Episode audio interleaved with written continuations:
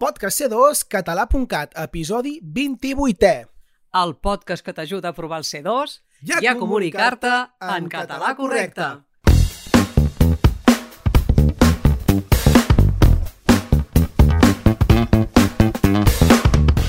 Benvingudes, benvinguts una vegada més al podcast de C2català.cat, un episodi en què avui tractarem un dels errors que sol cometre la gent a l'examen del C2. Que els diacrítics ja no són el que eren, segurament ja ho saps, o no, ja que molta gent a l'examen del C2 no els aplica correctament. Potser el que no tenen clar és quins són els que es conserven. I avui te'ls expliquem. Abans, però, potser millor que refresquem una mica la memòria i diguem què és un diacrític. D'acord? Què és un diacrític? Un accent diacrític és un accent que podríem etiquetar d'il·legal. Il·legal? Què vols dir il·legal? Home, en certa manera és il·legal perquè se salta les normes, en aquest cas les d'accentuació. Hem d'aclarir que l'utilitzem només per distingir el significat de paraules que s'escriuen igual. Ah, mira, ben vist. Una cosa que cal saber és que la nova gramàtica de la llengua catalana els ha reduït a només 15, però abans en teníem moltíssims més. Avui te n'expliquem els 8 primers i en un altre episodi t'explicarem la resta. Què? Comencem? Som-hi! No és el mateix treure un B que treure un B, oi? Home, i tant que no! Doncs aquest és el primer. B, el que porta accent tancat, és un adverbi que té diferents significats. El trobaríem en frases com ho has fet molt bé o té forces vents. B, sense accent, té els significats de anyell o xai, en una frase com hem fet carn de bé a la brasa, o bé el nom de la lletra, mòbil s'escriu amb B alta. El segon accent diacrític que t'explicarem avui va de divinitats. Deutes, xifres i fons. Déu, amb accent, tancat, vol dir divinitat.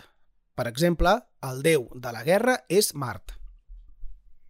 I sense accent vol dir xifra, el número 10, tercera persona del singular del present del verb deure, com deu molts diners, o una font d'aigua, una deu d'aigua. I mireu, aprofitem per ampliar vocabulari, ja que possiblement molt poca gent coneix que una deu d'aigua és un lloc d'on brotlla l'aigua, oi? Seguim! El tercer és més gramatical. Es tracta de diferenciar el verb ser, és, amb accent, del pronom es. Per tant, tindríem que és, amb accent, és la tercera persona del singular del present del verb ser. Què vol dir això? Doncs seria la frase la Maria és informàtica. Sense accent, en canvi, és un pronom que va lligat a verbs com dir-se, fer-se, complicar-se, i el trobarien en frases com es diu Viviana. El quart fa referència a no confondre l'extremitat ma amb el possessiu ma. Per tant, ma, amb accent, significa la part final del braç. Podríem dir, i té la mà trencada, amb això de preparar-se al C2. I sense accent és un possessiu equivalent a la meva. M'ho ha explicat ma mare. El cinquè té a veure amb el plural del possessiu ma, que és mas, amb una part de l'any i amb un sinònim de pro, respecte del quantitatiu més.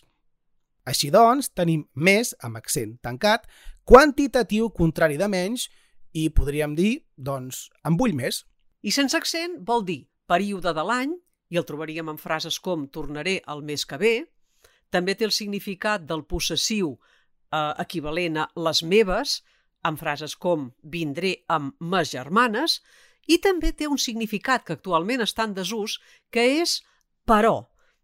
Per tant, seria una conjunció que en aquest moment no s'utilitza, però que antigament es feia servir molt i que en francès encara es conserva. I això ho trobaríem en frases com vindria, més no puc, que equivaldria a dir vindria, però no puc.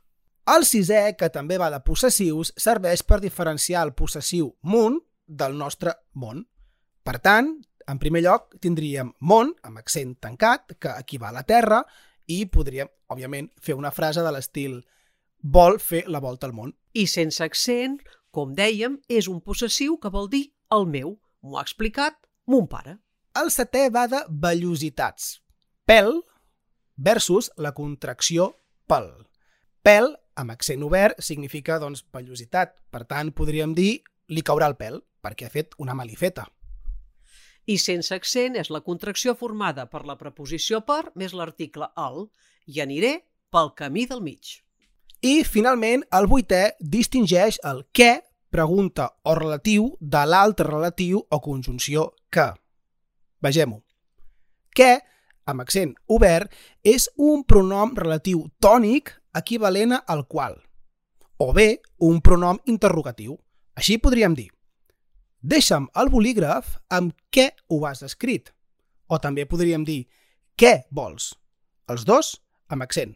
I sense accent pot ser una conjunció, i el trobaríem en una frase com diu que no parlarà, o bé un pronom relatiu, però en aquest cas àton, també equivalent a qual, i el trobaríem a la frase la persona que ha vingut, la persona la qual ha vingut. Tot això que d'oïda potser pot semblar complicat no ho és tant si ho veus visualment. I per tant, tot això ho reforçarem amb infografies que podreu trobar a les nostres xarxes socials, per exemple, a Instagram.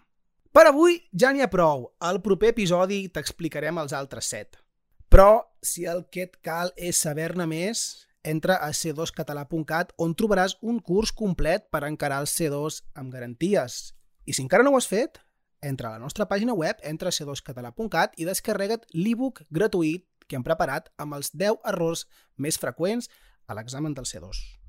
Al curs tractem el que has de saber per fer un bon discurs escrit i oral i també aspectes de gramàtica i lèxic. Presenta't a l'examen amb la confiança de qui sap què ha de fer i com.